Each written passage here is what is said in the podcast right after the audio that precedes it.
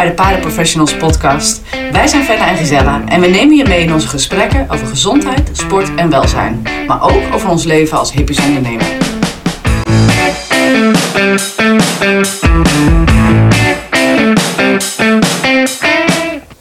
Vandaag hebben we een, eh, een leuk onderwerp, vinden wij. Leuk, Ik denk ja, niet dat iedereen het daarmee eens is. Nee. Want als we het hebben over blessures, dan eh, ja, gaan we het vandaag hebben over de preventie van blessures. Ik denk Ja. toch wel een leuk onderwerp. Nou, dat is een heel positief onderwerp. Het is een boeiend onderwerp. Ja. Het woord blessures wordt meestal niet als leuk gezien, Nee. maar het is wel interessant en we kunnen er denk ik een, eh, een hoop over vertellen. Ja, en ik denk dat blessures, ja, komen ze toch heel veel tegen. Ik, aan de ene kant natuurlijk ook omdat het ons werk is. Ja. Hè, dat we dagelijks eigenlijk te maken hebben met paarden met blessures. Ja, acute blessures of blessures die al geweest zijn. Maar ik denk, als ik voor mezelf spreek, ehm, ben ik zelf als ruiter wel altijd heel erg bezig geweest met hoe kan ik blessures voorkomen. Met de kennis die ik tot op dat moment dan had. Maar zeker vanuit mijn huidige werk zijn we steeds meer met preventie van blessures bezig. Ja, nou, ik denk dat dat ehm, binnen jouw bedrijf zo is. Eh, waar je in eerste instantie natuurlijk richt op revalidatie. Maar uiteindelijk weten we allemaal inmiddels wel. eh, voorkomen is beter dan genezen. En dat is in Mooie dit uitspraak. geval ja, heel hele mooie gevleugelde woorden. Ehm, maar dat is ook echt zo. Als je gaat kijken in een paardenbeen. ehm, als ik het dan heb over een been. Een blessure kan natuurlijk overal in het lichaam klopt. voorkomen. Ja. Ehm, wat er gebeurt als weefsel beschadigd of beschadigd is, het wordt nooit meer 100% zo goed als dat het was. En dat wil niet zeggen dat een paard niet meer goed kan functioneren, want heel vaak is het herstel functioneel wel volledig. Op het moment als je natuurlijk goed revalideert, hè? Absoluut. Ja. Kijk, en dat is natuurlijk iets wat ook niet eenvoudig is. Een eh, revalidatieproces ehm, is inderdaad een heel proces en daar is veel kennis voor nodig, daar is veel geduld voor nodig. Maar dat even later in een andere podcast, denk ik. Nu gaat het over preventie. En inderdaad eh, hebben wij denk ik beide wel ervaren dat preventie uiteindelijk eh, ja, echt enorm belangrijk is. Omdat eh, een blessure, ja, wat ik net al zei, het weefsel wordt nooit meer helemaal zoals het was. En uiteindelijk is het ook voor zowel paard als eigenaar als ruiter gewoon heel vervelend op het moment eh, dat er een, een blessure optreedt. Maar ik Dus- denk ook wel, hè, want we hebben al twee eerdere podcasts gemaakt. En, en daar ging het ook eigenlijk altijd wel over van... Ja, ik denk dat voor heel veel mensen bijvoorbeeld een blessure toch onverwachts komt. Er zijn een heleboel dingen die in onze ogen je kan doen om blessures te voorkomen. Ja. Ehm, dat kunnen een heleboel dingen bij elkaar zijn. Ehm, maar voor heel veel mensen zijn ze ja, eh, in principe goed bezig. Niet wetende dat er ondertussen al iets aan het sluimeren is bijvoorbeeld. Ja. Ehm, dus voorkomen is beter genezen. Maar hoe, ja, hoe belangrijk het eigenlijk is om bezig te zijn met het voorkomen van bles- blessures. Ja, ik denk dat dat een heel interessant onderwerp is. Ja, wat dan ook wel belangrijk is om je te realiseren dat een blessure, je, je gaf het net eigenlijk al een beetje aan, een blessure komt eigenlijk zelden zomaar. Ehm, dat betekent ook dat we eigenlijk wel kunnen zeggen dat een blessure zelden alleen pech is. En dat is misschien geen leuke opmerking om te maken. nee. Want we verliezen nu een heleboel luisteraars. Ja, denk ik. ja, nee, nee, is helaas. niet- Maar ehm, het voelt natuurlijk ergens comfortabeler om te kunnen denken dat een blessure plotseling ontstaan is en dat je daar niks aan kon doen. Want dan hoef je je niet schuldig te voelen. Het was gewoon pech. Ja. En soms is dat ook zo. Ja, hè? absoluut. Laten Kijk- we alsjeblieft wel zeggen, want dan ben ik weer degene die eh, de, de revaliderende paarden eh, onder handen heeft. Ja, ik, ik zie wel echt paarden die, ge- of dat er dingen zijn gebeurd. Eh, een ongeluk of wat. Er zijn pechsituaties absoluut bij. Ja, en maar we zijn- hebben het nu eigenlijk over de blessures die voortkomen uit ja, compensaties, overbelasting, wat al langer sluimert. Precies, en dat is vaak niet te zien. En hoewel het misschien niet comfortabel voelt om je te realiseren dat iets niet altijd pech is. En nogmaals, zoals je net zei, pech is niet uit te sluiten, pech komt nog steeds voor. Maar het is lang niet altijd zo dat een blessure, ook niet als die plotseling lijkt te ontstaan, het gevolg is van pech. Daar gaat vaak een heel traject aan vooraf. Maar het verraderlijke is dat we vaak niet goed kunnen zien aan de buitenkant wat er allemaal in het paardenlichaam gebeurt. Ja. Maar het goede nieuws is dat door goed te observeren en door Ja. daar meer over te leren en door met een goed team samen te werken, je vaak wel ehm, dat voor kunt blijven. Dus Ja. eh, de situatie voor kunt blijven dat er uiteindelijk iets stuk gaat. Ja, je had het net over het schuldig voelen. Hè, van, van, eh, ik zie dat ook. Hè. Eigenlijk iedereen die met zijn paard bij mij komt om te revalideren. eh, zeker na een blessure, want sommigen komen natuurlijk ook na operaties. Ja, daar komt een enorm schuldgevoel bij kijken. En dus ook een heleboel emotie. Want ze nemen zichzelf wat kwalijk. Van verdorie, nooit dit kunnen gebeuren. En heb ik dit fout gedaan? Heb ik dat fout gedaan? Ik heb het altijd best wel te doen met die mensen. Van, ehm, ja, je, je weet inderdaad niet altijd precies waar het vandaan komt. Maar het is natuurlijk ook heel hard om te zeggen van ja, ehm, het, het is wel een feit dat het ergens is ontstaan. Ja. Maar natuurlijk niet expres. Maar daarvoor hebben we allebei wel. Hè. Ik, ik merk het ook in ons gesprek. Dat we, we hebben, dit is echt een onderwerp waar we ons best wel hard voor maken. En ook veel, heel belangrijk vinden om de wereld in te gooien. Van, het is zoveel beter om te voorkomen. Want blessures hebben, je paard, dat je paard een blessure heeft, is zo vervelend. En er zit zoveel tijd aan vast. Ja.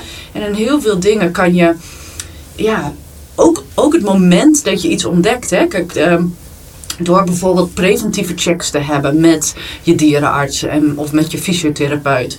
ehm, kan je al in een heel vroeg stadium dingen ontdekken. En hoe eerder je in het traject iets ontdekt, hoe beter het natuurlijk weer te behandelen of te helpen is. Hè? Ja. Dus eh, het, dat lijkt me natuurlijk logisch. Hoe groter een blessure, hoe ernstiger, hoe langer het, het revalidatietraject ook is. Maar ik denk dat het belangrijk is dat mensen dan ehm, een beetje inzicht krijgen in de verbanden in het lichaam. En dat betekent niet dat we allemaal meteen een anatomieboek uit ons hoofd moeten kennen.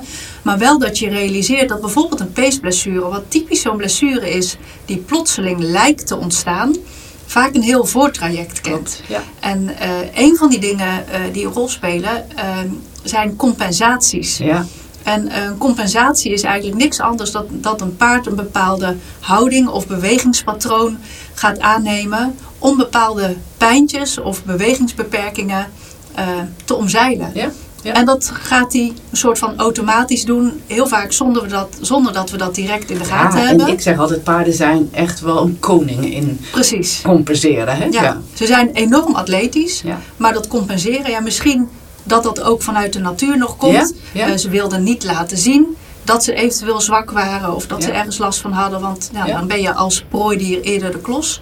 Ehm, het zou zomaar dat dat daar vandaan Daar komt. zie je overigens wel verschil hè, tussen paarden. Je hebt Ja. wel paarden die heel snel dingen laten zien. Ik merk ook wel als, ehm, als ik even terugkijk naar mijn eigen paard, waar ik echt eh, internationaal mee reed. Ja, ik ken dat paard door en door. Ja. Hè, dus je ziet op het moment als ruiters een paard echt heel goed kennen. Dat ze soms zeggen van, ik voel iets. Ja. Ik merk iets, maar er is iets anders. Nou, en ik zeg dan altijd alleen maar tegen ruiters: vertrouw op je gevoel. En ga met het gevoel naar je dierenarts toe. Want dat is op dat moment wel de beste plek om te zijn. Hè? Ja. Dus, en te- op het moment dat jij tegen een dierenarts zegt: ik heb het gevoel dat er iets niet klopt. Dan zal er geen dierenarts zijn die zegt wat een onzin. Hè, ik denk dat ze alleen maar blij zijn dat je komt. Ja, En zeker de dierenartsen die gespecialiseerd zijn in echt die sportbegeleiding. Hè? precies. Ehm, die, die worden daar alleen maar blij van. Want die willen ook hoe heel snel in een vroeg stadium dingen ontdekken. Nou, dan kunnen ze natuurlijk met kreupelheidsonderzoeken, ehm, eh, buigproeven, kan je natuurlijk wel gaan ontdekken of er ergens een klein pijntje zit. ja. Dus het, het heel goed lezen van je paard is natuurlijk stap 1 eigenlijk Ja. van een stukje van preventie van blessures. Eh, Een tijdje geleden is er een, eh, een video rondgegaan van, eh, gemaakt door eh, Sue Dyson. Oh ja, ik heb hem echt En, gedeeld. En ja, Ja, wat in die video te zien was, waren allerlei gedragingen of uitingen ja, van ehm, nou ja, pijn aan het bewegingsapparaat. Ehm, en dat uit zich niet altijd in een vorm van kreupelheid. nee. Dus dat kunnen aanleuningsproblemen zijn. Dat kan dat een paard scheef gaat, dat hij zijn staart anders gaat dragen of Ja, gebruiken, dat ja. hij gaat bokken. Eigenlijk alle vormen van verzet, niet de bochten om willen gaan. Nou, ze had een hele lijst, ik denk Ja. met 21 punten. Ja, Ehm, het, het, het was een, in- inderdaad een heel interessant eh, filmpje. Ik denk dat het ook wel leuk is dat we dit filmpje misschien nog gaan delen op social media. of dat zoek hem mensen anders die, eventjes op. Ja. Is goed te vinden. Sue Ehm, Dyson. Sue Dyson inderdaad. Was, eh, en daar, heeft ze natuurlijk heel lang onderzoek naar gedaan. Ja. Ja, ik, weet dat wij in ons gesprek altijd een beetje van links naar rechts gaan. Dus daar moeten onze luisteraars misschien ook maar een beetje aan wennen. Maar ehm, als je het hebt over gedragingen van het paard. Hè, de dingen die een paard laat zien. Ja, ik had het er net natuurlijk al over van vertrouw op je paard. Ken je paard en weet wanneer iets abnormaal is. Een paard liegt in principe niet. Nee. En hoe vaak horen we nog wel um, van...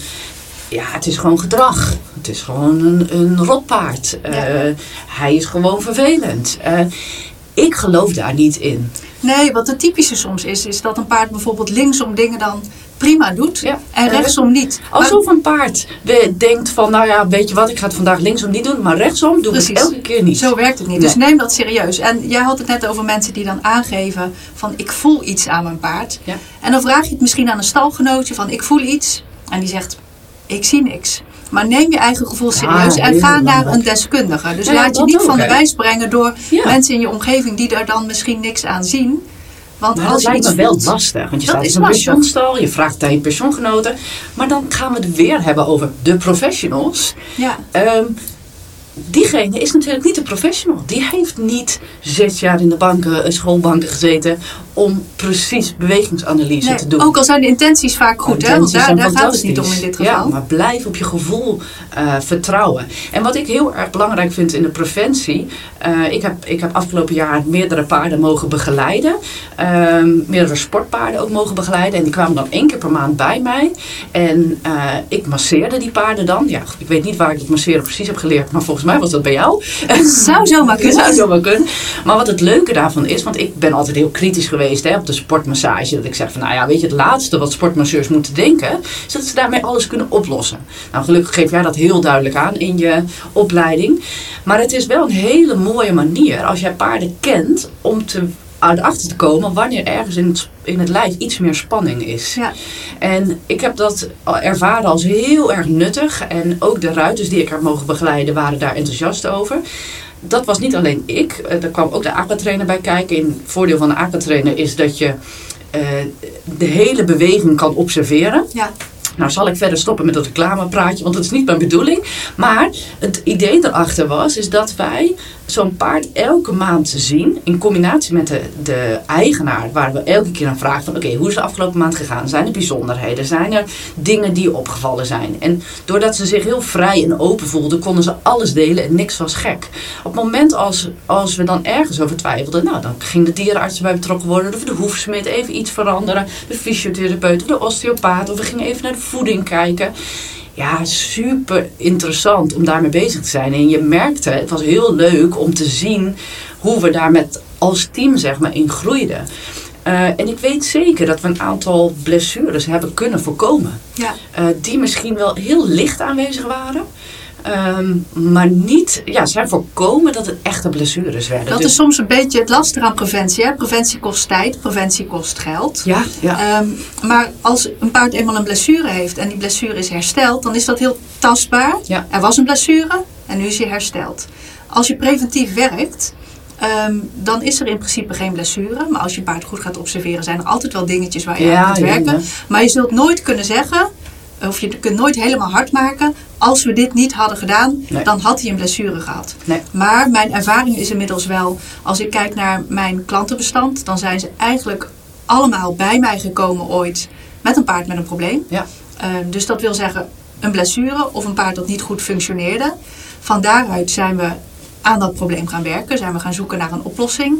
Ehm, of door mijn onderzoek en behandelingen, of in combinatie met het werk van een dierenarts, een hoefsmid, een zadelpasser. Alles wat je daarbij kunt bedenken, wat eventueel nodig is. Ja. En dan kom je op een gegeven moment in de situatie dat je zegt van... Hier willen we niet meer terechtkomen. We willen voorkomen Ja, ja. dat dit paard geblesseerd raakt of weer ongemakken of beperkingen gaat ervaren waardoor die niet goed kan functioneren. Ja. En dan ga je over in een heel preventief traject.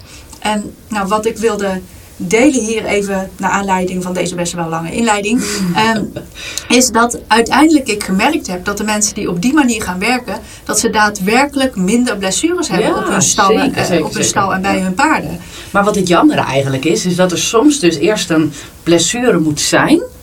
Waardoor mensen gaan nadenken, oh maar wacht even, dit wil ik niet nog een keer. Ja, En ik zou, want dat zie ik echt hoor, bij alle mensen die hier hun paard hebben laten revalideren. Die zeggen heel vaak tegen mij, oh ik heb zoveel geleerd van de afgelopen periode. ja, Eh, en dat vind ik leuk om te horen. Eh, daar ben ik blij mee. Want soms komt een paard beter uit een revalidatietraject. Ja. Daar zal ik straks wat meer over leggen, maar we zullen nog wat verder gaan op compensaties in het lijf. Ehm, maar het is nog beter natuurlijk om echt te zeggen, we, om echt een hele blessure te voorkomen. Maar dan ga je weer in het stuk, het gaat nu goed, maar hoe zorg ik dat dit goed blijft gaan? Hè? We hadden het over bandages eh, in onze eerste podcast. En we zeiden eigenlijk van ja, wat is nou eigenlijk het probleem? Dat ondanks al het onderzoeken eh, mensen nog steeds bandages blijven gebruiken. Maar onze conclusie was even voorzichtig. Het is geen korttermijn gevolg. Het, heeft, het leidt tot weefselschade en op den duur. Dus het is iets wat verder weg ligt. En Ja. een blessure lijkt ook ver weg. Want alles gaat toch goed? Ja. Als je heel goed gaat kijken naar je paard, heel goed gaat voelen, ehm, maar zeker ook zeggen van nou, ik ga gewoon een keer naar een fysio. Of ik laat mijn paard gewoon eens een keer preventief checken door een dierenarts. Ja. Maar mensen vinden dat gek hè, Want, en ook wel eng. Ik ga naar een dierenarts met mijn paard, ik ga hem preventief laten checken. Maar als ik dat doe, dan kan het dus ook gebeuren dat ik iets te weten kom wat ik nu niet weet. En Ja. ik ben dus comfortabeler hoe ik nu ben. Dat ook. Heel menselijk overigens. Hè? Ja, dat is heel goed te begrijpen. En wat dan ook nog zo is, dat op het moment dat je een paard preventief gaat onderzoeken en behandelen. ehm, dus je zou zeggen, ja, waarom ga je die behandelen? Nou, op het moment dat je preventief onderzoekt, ik als fysiotherapeut bekijk ook het bewegingspatroon, ik, ik voel de spieren af. Dus als ergens een paard pijnlijk is of er is een bewegingsbeperking, dan ga je daarmee aan de slag. Ja. Dus dan ga je dat proberen te optimaliseren, de beweging te herstellen, pijnlijkheid verminderen, eh, spierspanning normaliseren. Ja. Nou, dat lijkt allemaal heel positief, dat is het ook. Maar wat er kan gebeuren, is dat een paard eh, dat misschien al een tijdje compenseerde, dus Ja. onbepaalde problemen heen liep en een bewegingspatroon had ontwikkeld waarmee hij met die pijntjes of misschien zelfs wel die lichte kreupelheid toch kon functioneren. Dat zo'n paard dan in één keer zijn problemen wel gaat laten zien. Ja. En dat wil zeggen Ja. dat hij dan misschien in één keer een kreupelheid gaat laten zien Ja. die in eerste instantie niet opviel. Dan heb ik hem niet stuk gemaakt. Nee, Zeker niet. Dat wordt overigens dan soms wel gedacht. Ja. Hè, die verhalen kennen we ook natuurlijk. Maar daarom is communicatie heel erg belangrijk. Dat op het moment dat je preventief aan de slag gaat met een paard, waarbij je een paar vraagtekens hebt in de zin van: ik vermoed dat er iets onder zit, dat hij dat, dat die toch een klacht heeft die hij nu niet helemaal laat zien en die misschien aan de oppervlakte komt op het moment dat ik een aantal Ja. beperkingen weg ga nemen. Als je daarover communiceert, weet een klant wat hij kan verwachten. En ik vind het uiteindelijk iets positiefs. Want datgene wat dan tevoorschijn komt, kun je dan gaan behandelen voordat het dusdanig ernstig wordt Ja. Dat hij ook met alle mogelijke compensaties daar niet meer mee kan Ja, dit is functioneren. natuurlijk super spannend voor mensen. Ja, dat is ook zo. Want als je het hebt over wat je net uitlegde, vind ik een mooi woord altijd functionele stabiliteit. Dus ik denk dat we het aan onszelf ook wel kennen. Ik denk jij en ik zijn echt eh, niet perfect in onze beweging. Nou, sporten we wel wat, maar we vragen verder niet mega veel van onszelf. Dus Nee. dat scheelt. Maar hoe meer wij van onszelf gaan vragen op sportgebied, hoe meer wij tegen compensaties aan gaan lopen. Ja, Ehm, maar een paard gaat op een gegeven moment een functionele stabiliteit ontwikkelen. Dus die gaat bewegen in die compensaties en kan dat een hele tijd volhouden. ja. Maar haal jij die functionele stabiliteit weg door de spierspanning weg te halen, beperkingen in mobiliteit weg te halen, ja, dan kan het zijn dat zo'n paard echt even zo boem, uit elkaar valt en er dus inderdaad dingen zichtbaar worden ja. Die hij eigenlijk ja, een soort weg kon moffelen op in, in zijn compensatie. ja. En ook al toont hij misschien geen kreupelheid, want dat was maar, maar één voorbeeld, dan nog kan hij het moeilijk hebben. Ja. Omdat hij moet gaan leren zijn lichaam op een andere, weliswaar betere manier te gebruiken, maar dat kost tijd. Dus dat vergt ook wel wat van een professional, dat als je een paard preventief gaat begeleiden, dat je niet even twee dagen voor een belangrijke wedstrijd Nee, zegt nee. van nou, dat gaan we nu even in gang zetten. Doe dat dan op een moment in een periode dat er de tijd is om dingen stap voor stap te veranderen. Ja, Want wees het kost dus niet gewoon bang. tijd. Wees niet bang om dat dingen zichtbaar worden. Want wees je ervan bewust dat die dus er eigenlijk al wel zaten. Ja, Alleen dat je ze zichtbaar maakt op een moment dat je er misschien nog wat meer mee kan. ja, Voordat het een soort van te laat is en je echt aan een lange revalidatieperiode zit. precies. Dus ja, dat vergt ook wat moed. Ja, dat, Ehm, vind- dat, dat wil ik eigenlijk wel heel duidelijk. Ik, ik zie gewoon dat heel vaak gebeuren. Hè? Dat het een soort angst is bij de mensen om dat te doen. Maar wij willen dat eigenlijk wel een beetje doorbreken. Van, eh, een paard kan niet praten. Wij kunnen wel proberen de paarden zo goed mogelijk te lezen en te voelen. Ja, Dus ik zeg wel, en daar ben ik wel stellig in. Stop met het zeggen dat het gedrag is. ja, Eh, want dat is een van de weinige dingen waar ik misschien wel een beetje kwaad om kan worden. En dat komt puur vanuit de liefde en de passie voor het paard. Maar ook wat ik geleerd heb in al die tien jaar. Ehm, dus ja, ik, ik vertrouw op wat je voelt. Dat is, dat is echt wel een heel belangrijk punt voor mij. Maar als je dan gaat kijken naar wat, wat ik in mijn werk, en zeker ook met het gebruik van de, van de aquatrainer merk, is dat we heel erg bezig zijn met een goed bewegingspatroon. Ja. Ja, wat is nou eigenlijk een goed bewegingspatroon van een paard? Ja, dat is gelijk een hele lastige vraag. Ik weet niet hoe lang we nog hebben.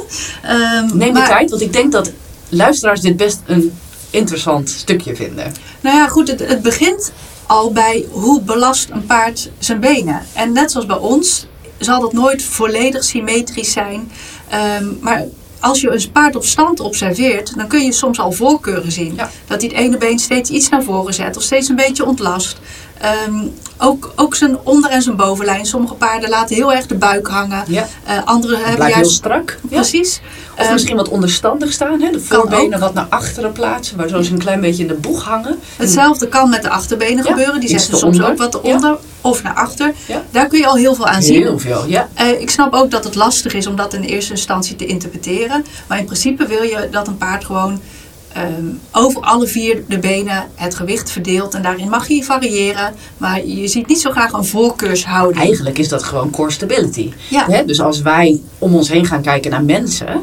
Uh, als mensen een hele goede core stability hebben, dan staan ze stevig, rechtop. Altijd met buik- en rugspieren licht aangespannen. He, dus alleen, hoeveel mensen zie je wel niet hangen in hun lijf, één been op rust, om maar zo te zeggen. Ik weet eigenlijk niet hoe je dat bij mensen noemt. Um, dus, en dat geldt dus ook voor een paard. Dat geldt ook voor een paard. En als je heel kritisch leert observeren, dat, dat is wat bij ons in de opleidingen ook meegegeven wordt. Het begint niet pas op het moment dat een paard gaat lopen. Luister ook naar het verhaal van de eigenaar. En observeer een paard is heel goed van wat is zijn houding, hoe belast hij zijn benen, hoe is zijn bespiering, uh, is zijn, lijkt zijn skelet symmetrisch ontwikkeld, uh, ja. voor zover je dat met blote oog kunt zien. Um, daar kun je al heel veel uithalen. Ook uit hoe een paard bijvoorbeeld bespierd is. En als hij dan gaat bewegen, dan moeten we ook niet de illusie hebben dat dat perfect rechtlijnig moet zijn. Uh, dat perfecte paard bestaat nog niet. Er zijn er heel veel die bijvoorbeeld ietsje asymmetrisch zijn in het bekken. Of die een beetje een maaiende beweging maken met de voorbenen. Dat hoeft niks te betekenen, maar we willen wel graag een zo symmetrisch mogelijk looppatroon. Waarbij de belasting in de standfase links en rechts ongeveer net zo lang is. Dat de paslengte links en rechts ongeveer net zo groot is. Um, en als we dan uh, naar de bovenlijn gaan, eigenlijk gebruik van hals en rug, dat is een stuk waar ik ook altijd wel heel erg mee bezig ben. Dan wil je eigenlijk dat, die, dat zo'n paard laat zien dat hij weet waar zijn buikspieren zitten. Ja. Dat betekent niet dat hij constant met een opgetrokken buik moet lopen. Maar je ja. wil ook niet dat hij met een hele holle rug, met zijn nee. buik hangend, uh, de baan doorgaat. En wat je dan ook vaak ziet, een paard heeft geen benige verbinding tussen zijn Klopt. schoudergordel en zijn wervelkolom. Dus ja, het is wel interessant hè, want heel veel mensen weten dat eigenlijk niet. Nee. Maar ze hebben geen sleutelbenen. Ze hebben geen sleutelbenen, dus dat hangt er eigenlijk gewoon los tussen. En het enige wat ervoor zorgt dat zo'n romp niet tussen zijn voorbenen op de grond belandt, zijn de spieren die daartussen zitten. Ja. En wat je wil is dat een paard ook die spieren op een goede manier gebruikt. Dus eigenlijk zijn schoft een beetje lift, zonder daarbij meteen, um, ja, ik zeg het maar even recht toe recht aan, met zijn kop in de lucht te lopen. Dat ja. moet hij ook kunnen, terwijl hij zijn hals laat zakken. Ja. Um, en dat hele lichaamsgebruik, die afwisseling van spieren, buikspieren, onderlijnspieren, um, de spieren van wat, wat, we noemen dan de pectorale draagband. Ja, en, en eigenlijk, hè, wat ik net ook bij een mens zei, van buikspieren zijn altijd in combinatie met rugspieren. Ja, precies. Dus uh, als een paard met een hele holle, holle rug loopt, ja, dan gebruikt hij en zijn rugspieren dus niet en zijn buikspieren nee. niet. En wat ik heel erg zie met een uh, goed bewegingspatroon is dat de kracht echt vanuit de achterhand moet komen. Ja. He, dus die achterhand is de motor van een paard. Die moet eigenlijk goed functioneren. Dat moet mooi, ik zeg het altijd heel simpel, doorvloeien naar voren via de wervelkolom. Eigenlijk moet die mobiliteit goed zijn om de, de beweging vanuit de achterhand naar voren door te vloeien. Ja. En wat je heel veel ziet, is een paard dat in twee delen beweegt. He, dus dat als je gaat observeren, is dat je eigenlijk een voorhand hebt en een achterhand. En daartussen is het of heel strak of heel hol en ja. hangende buik. Nou, hoe beter dus inderdaad een paard vanuit zijn achterhand de kracht haalt, een, een mooie mobiliteit heeft in uh, zijn wervelkolom, zowel lumbaal, thoracaal als de hals. En die vloeiend doorloopt. Die vloeiend doorloopt, ja. Ja. Des te bewe- beter bewegingspatroon heb je.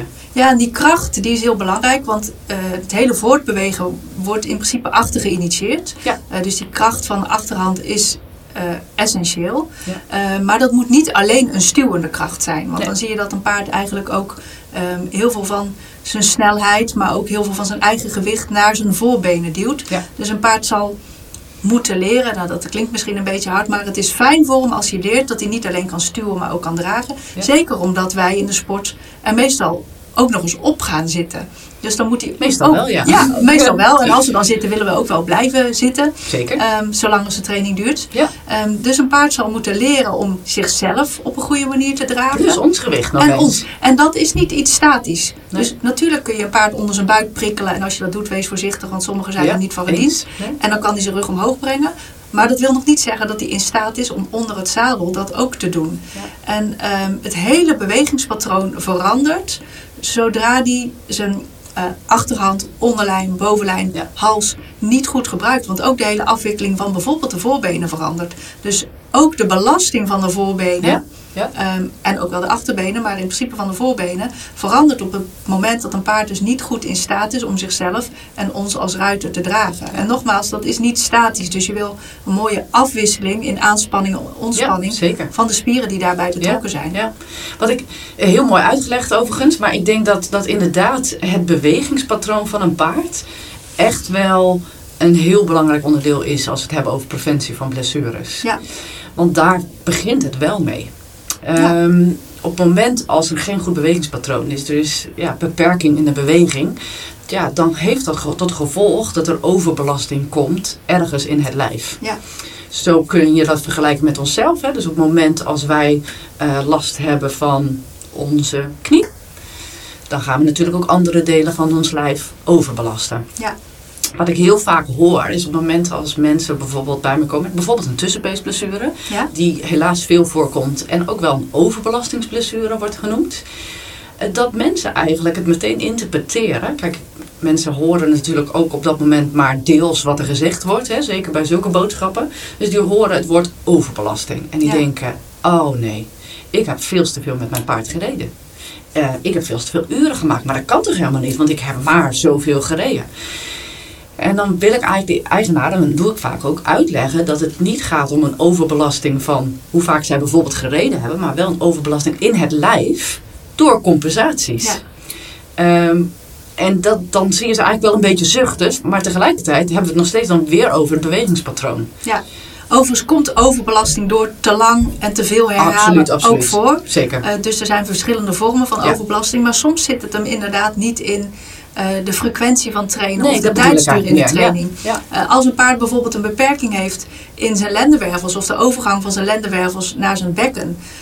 Um, lumbosacrale overgang noem je dat. Maar goed, dat is verder niet heel relevant. Maar dat is een gebied waar eigenlijk heel veel beweging mogelijk is. Ja. Ehm, het is heel erg belangrijk voor het voortbewegen van het paard. Dus het overbrengen van de beweging en de kracht van de achterhand naar voren. Als dat gebied bijvoorbeeld beperkt is, ehm, dan heeft dat heel veel invloed op de voorhand. Dus Ja. dan kan het zomaar zijn dat door een bewegingsbeperking in dat gebied je uiteindelijk afstevend op een peesblessure Precies dat. voor. Precies dat. Ja. En nou, dat is precies dus wat dat je met preventie bedoel kunt doen. eigenlijk. Ja. Ja, als je dat stukje eerder ontdekt, Ja. doordat je voelt bijvoorbeeld hij galoppeert niet meer zo lekker of net achterwaarts doet hij wat moeilijk en je haalt er dan tijdig bijvoorbeeld een fysiotherapeut of een osteopaat bij en die constateert dat en verhelpt dat, Ja. dan heb je misschien zomaar een peesblessure voorkomen. Ja. En je weet ook nooit precies, hè, wat is het kip of wat is het ei, waar is het begonnen, wat is de primaire oorzaak, wat is een secundaire oorzaak. Maar eh, we kunnen wel zeggen dat een, een blessure meestal niet op zichzelf staat. Nee. Dus eh, je hebt nog steeds de gevallen van trauma van buitenaf. Absoluut. Eh, daar hebben we het nu dus ook niet over. Eh, ongelukken hebben we het ook niet over. We hebben het eigenlijk meer inderdaad van blessures die voortkomen uit compensaties. Ja. Want dat zijn toch eigenlijk wel een heel groot deel van de blessures. En die, ik ben het even kwijt wat ik wil zeggen eigenlijk. Nou, we, we, we waren bij het punt dat we zeggen van als er ergens een beperking zit, Ja. Ehm, en je herkent dat niet tijdig, dan kun je uiteindelijk op een blessure afstevenen. Maar op het moment dat je daar dus eh, in dat traject daarvoor eigenlijk beter in de gaten houdt, eh, dat er bepaalde dingetjes misschien al niet lekker kunnen functioneren, dan kun je blessures voorkomen. Zeker, zeker. Dus het is echt goed om eigenlijk wel uh, met je fysiotherapeut, met je dierenarts, dus niet alleen maar ehm, naar het, de beweging, bijvoorbeeld belasting van de benen te kijken, maar zeker ook de beweging van de bovenlijn. Ja. hoe, paard, hoe beweegt het paard in zijn geheel? Ja. Hoe is hij uh, gewoon uh, aan de hand, maar hoe is hij aan de longe, hoe is hij onder het zadel? Ja, ik denk hoe meer van, van het paard verwachten, hoe meer je verplicht bent om daar ook naar te kijken. Ja, ja want bijvoorbeeld ook peesblessures, in sommige gevallen um, ontstaan die ook wel eens een keer in de wei. Maar in ja. principe is een pees een enorm sterke structuur. Dus in enkele gevallen wordt wel eens gedacht van ja, het is in de wei gebeurd, dus ook dat is pech. Um, maar ook daarbij geldt dat er soms weer een heel traject aan vooraf Klopt, gaat. klopt. Dus als je kijkt naar uh, de kwaliteit van het peesweefsel, dan um, als je dat in een grafiekje voor je ziet, dan zijn er allerlei gebeurtenissen die ervoor kunnen zorgen dat er kleine beschadigingen in zo'n pees Ja. optreden. Dat kan een zware training zijn, dat kan een keer een hele forse onverwachte beweging zijn.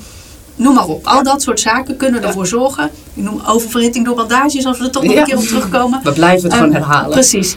Ehm, dat zijn allemaal zaken die kunnen zorgen voor kleine Ja. trauma's in zo'n pees. Daar wordt hij niet gelijk kreupel van. Alleen als je die grafiek bekijkt, dan wordt de kwaliteit en dus ook de sterkte van de peesweefsel steeds een beetje minder. En als hij dan een keer een hele zware Precies. training heeft Ja. of een gekke sprong maakt in de wei, dan lijkt hij ineens een blessure te hebben. Maar stiekem was er dus dan al een tijdje iets Klopt, gaande. klopt. En daar kunnen we ook aan doen. En als ik dan toch nog eventjes eh, verder mag gaan op het stukje preventie. Wat ik ook heel, heel erg interessant vind, en dat is iets waar ik de laatste jaren veel bewuster ben gewo- van geworden, is het stukje ehm, inspanningsfysiologie. Ja, Want aan de buitenkant kunnen wij vaak heel slecht beoordelen of een paard hard aan het werk is. ja, Want soms denken we dat hij heel moe wordt, omdat wij als ruiter bijvoorbeeld al heel moe worden. ja. Eh, Maar als je naar de hartslag kijkt, dan gebeurt er misschien niet mee. zoveel. Ja. En andersom kan het zijn dat je bijvoorbeeld als ruiter heel fit en handig bent en denkt, nou, dit stelt nog niet zoveel voor. En als je daar een hartslagmeter aan hangt, kan het zomaar zijn dat het paard al een hele tijd heel hoog zit. En op het moment dat een paard vermoeid raakt, dan wordt zijn coördinatie minder. Ja. En dan wordt de kans op blessures ook veel groter. Dus Ja. in dit geval geldt ook wel meten is weten. Dus in het hele traject van blessures voorkomen, denk ik dat eh, kennis van inspanningsfysiologie, maar ook zo nu en dan door een deskundige een hartslagmeting laten doen, Ja. eh, je ook heel veel informatie geeft over jouw trainingsintensiteit.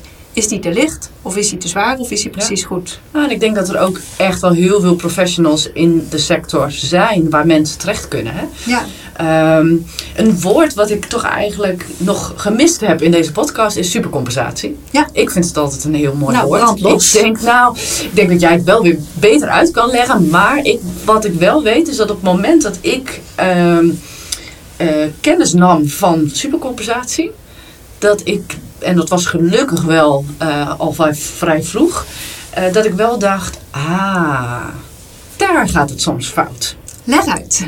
Ja, leuk, dankjewel. Het is Ja. niet een examenvraag.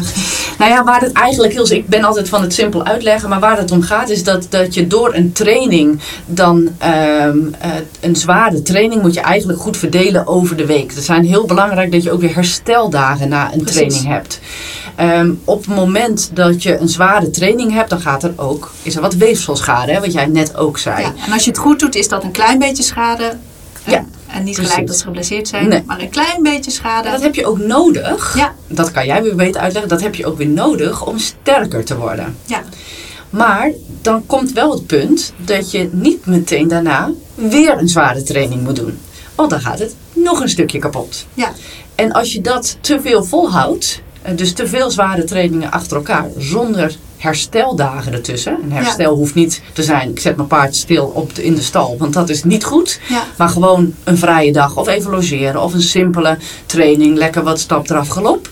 Ehm, dan geef je het weefsel weer tijd om te herstellen en weer beter te worden dan dat hij oorspronkelijk was. Precies, want mensen denken wel eens dat een paard sterker wordt van training. Eh, training is de prikkel om sterker te worden. Ja. Maar het daadwerkelijke sterker worden gebeurt in de rustperiode daarna. Ja. En eh, daar heeft een paard in principe normaal gesproken 48 tot 72 uur voor nodig. En in die periode na zo'n iets zwaardere training is het weefsel dus een klein beetje beschadigd en dus minder belastbaar dan normaal. Ja. Dat betekent niet dat je er niks mee mag doen, zoals jij al zei. Maar doe dan een hele lichte training of Ja. laat een paard stappen. Want bijvoorbeeld voor een jong paard kan gewoon stap eraf galop al een zware training Ja, zijn. klopt. Dat is Dus- inderdaad. En wat is een zware training voor je paard? Dat is wel Precies. iets wat je moet weten. Dat is dus heel erg afhankelijk van de mate van getraindheid van het ja, paard. klopt. Een lichte training voor het ene paard is een zware training voor het andere paard. Maar doe dus een training die eh, beduidend lichter is dan wat Ja. een paard normaal gesproken doet. En geef hem een dag of twee de kans om te herstellen. En wat het lichaam dan in principe doet, is zeggen van nou, van die vorige training, daar hebben we een beetje schade van opgelopen. We moeten zorgen dat we niet echt stuk gaan. Ja. Dus we worden een beetje sterker Ja. dan voorheen. En dat, is is mooi eigenlijk, hoe dat werkt in een lichaam. Ik vind dat echt fantastisch. Maar andersom is het ook zo dat als je iets even niet gebruikt, als wij drie dagen op de bank gaan liggen, dan zegt het lichaam ook, dat hebben we allemaal niet nodig, Ja, die spierkrachten enzovoort. Eh, dat moeten we wel in stand houden en kost energie. Dus als we het niet nodig hebben, wordt het ook afgebroken. Ja, ja, dus dat is natuurlijk ook hè, van het, het tegenovergestelde is een hele zware training doen en dan er weer de hele week eigenlijk bijna niks. Ja. Ja, dan worden we alles behalve sterker. Ik Ja. ben wel zo'n persoon, ik ga één keer in de week naar de sportschool, sport me helemaal de lamplazerus en dan kom ik die week daarna weer. Ja. Terwijl Nou, het veel gelukkig. beter zou zijn Ja, tussendoor. ik het, maar ik snap het. Jij gaat in ieder geval. Ik, ja, dat klopt. En gelukkig rij ik ondertussen ook nog paard. Ik ben buiten veel fysiek aan het Precies, werk. Dus ja. dat, dat is wel... Zo praat ik het goed voor mezelf tegen mijn eh, eh, eh, sportleraar. Maar we weten allemaal dat het veel beter is om bijvoorbeeld twee à drie keer naar de sportschool te gaan. Ja. Ehm, en Overigens is afwisseling, wat je eigenlijk net benoemt, heel wel heel belangrijk. belangrijk. Ja, Niet ja. iedere keer diezelfde structuur belasten, maar proberen af, af te wisselen in welke structuur of welke spiergroep je meer Ja. eh, aanspreekt. Nou, en dat zal je ook wel zien. Eh, eh, in een volgende podcast gaan we het zeker ook een keer over revalidatie hebben. Nou, dan komt bijvoorbeeld dat ook in, eh, aan bod in de opbouw. Hè, van hoe vaak ga je een, een space eh, en het lijf weer prikkelen. Ja. Het is toch eigenlijk twee à max drie keer in de week. En voor de rest is het herstel. Ja. Maar ik Maar denk dat dat... kunnen ook hersteltrainingen zijn. Zeker, hè? Dus zeker. een prikkel is gewoon Nooit niks doen, hè? Nooit niks doen. Ja. Dus we zijn een paar dingen eigenlijk wel heel belangrijk in de, in de preventie van blessures. Is als ik het als het samen eventjes opzommen, is het allerbelangrijkste. Luister naar je paard. Kijk naar je paard en volg je gevoel daarin. Ja, neem de signalen die je ziet of voelt serieus. Heel serieus. Dus, en ga dan ook meteen wel actie ondernemen. Ja. En denk niet te lang na van nou, ik, of eh, wacht te, veel, te lang af. Of vraag een, een stalgenoot, maar vertrouw je gevoel daarop. Ja. Dan gaan we het hebben over, of dan komen we eigenlijk op het bewegingspatroon van een paard. Ja. Kijk heel objectief naar stand van je, eh, hoe, hoe staat je paard in stand? Hoe beweegt je paard? Ehm, maar ga dat ook laten checken door een fysio. In dat opzicht is daar eh, echt de perfecte persoon voor om daarnaar te kijken. Van wat, wat zijn de beperkingen of in een goed bewegingspatroon? Nou, zoek een, een goede deskundige die met je meekijkt. Want Ja. eh, dat, dat bewegingspatroon bijvoorbeeld sportmasseur observeren is best lastig. ook. Ja? Een hele goede sportmasseur of een goede osteopaat. Ja. Eh, maar zoek een deskundige die dat regelmatig checkt. Er zijn ook mensen die hun paard bijvoorbeeld één keer per jaar laten checken. Dat is, dat is al prijzenswaardig, dat is hartstikke mooi. Maar er kan heel veel gebeuren in een jaar. Ja. Dus Ja. Ik zeg altijd, je, je moet toch wel, ja, je had het net over bijvoorbeeld iedere maand, dat is helemaal mooi. Maar drie, vier keer per jaar om Ja. een beetje in de gaten te houden hoe een paard eh, zich ontwikkelt en, eh, en zijn lijf gebruikt, is dan wel minimaal. Maar is geheel afhankelijk ook van hoeveel je met een paard doet, wat je ervan verwacht. En hoe Zeker. handig je zelf bent als ruiter of Ja. Amazone en Ja. als manager van je paard. Ja, ja.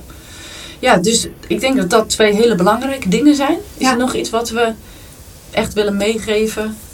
Nou, het zijn ook kleine dingetjes als eh, op tijd de hoefsmid laten komen. Ja. Niet pas op het moment dat de ijzers er onderuit vallen. Eh, als je je paard buiten doet, wat wij hartstikke fijn vinden en we groot voorstander van zijn. zeker. Maar zorg dat de omstandigheden ook zo zijn dat hij eh tuurlijk lekker mag spelen, maar niet helemaal in de stress raakt en uit zijn dak gaat. Eh, dus daar zit preventie ook in. Ja, Eh, ik, denk dat we er eigenlijk wel bijna drie delen van kunnen maken. Misschien wel vier of vijf Ja, delen. het moet vandaag niet, eh, niet te lang worden. Maar ja, probeer. Preventie is niks anders dan dingen voor te blijven. En Ja. zoek een goed team om je heen. En, en laat eigenlijk alles tijdig checken. Want je kunt daadwerkelijk blessures voorkomen. En dat is niet alleen fijn voor jezelf, maar ook als het gaat om het welzijn van het paard. Een blessure is altijd pijnlijk, zeker in eerste instantie. En daarna gaat er vaak een heel traject Uh, zit er een heel traject aan vast waarbij het paard vaak gelimiteerd wordt in zijn Ja, bewegingsvrijheid. zeker, zeker. Dus hoe fijn is het als je het kunt voorkomen? Ja, en ik denk dat er ook echt wel luisteraars zijn die nu gaan zeggen van ja, maar eh, jullie hebben de huisvesting nog niet meegenomen, je hebt de voeding nog niet meegenomen. Ja, dat is allemaal waar inderdaad. We Ja. hebben ons nu echt even gericht op dat bewegingsstuk. Ja, Ehm, maar ja, misschien komt er wel nog een keer een ander deel. ja, Want er is genoeg over te eh, bepraten. ja absoluut. En het is een onderwerp waar we best enthousiast van worden. Heel enthousiast. Ja, en, en eigenlijk alle dingetjes moeten kloppen. Alle factoren die van invloed zijn op een paard moeten zo goed mogelijk kloppen. En dan is de kans op een blessure Ja. een heel stuk kleiner. En eh, nou, dat is denk ik voor iedereen eh, fijn. En helaas kun je het nooit helemaal voorkomen. Maar een heel stuk hebben we gelukkig in eigen hand. Ja. Nou, dan hoop ik dat de luisteraars ook hier weer wat van opgestoken hebben. Misschien, ja, ik denk dat het wel leuk is om ook het stukje over supercompensatie bijvoorbeeld eh, te delen op social media. Ja. Dus dat soort dingen gaan we zeker doen. Dingen die we besproken hebben in de podcast laten we ook wel weer terugkomen in, eh, in posts op social media. Maar heb je vragen naar aanleiding van onze podcast, dan schroom niet om ons even een berichtje te sturen. Eh, deel de podcast als je het leuk vindt. En ja, tot de volgende keer. Heel graag, dankjewel.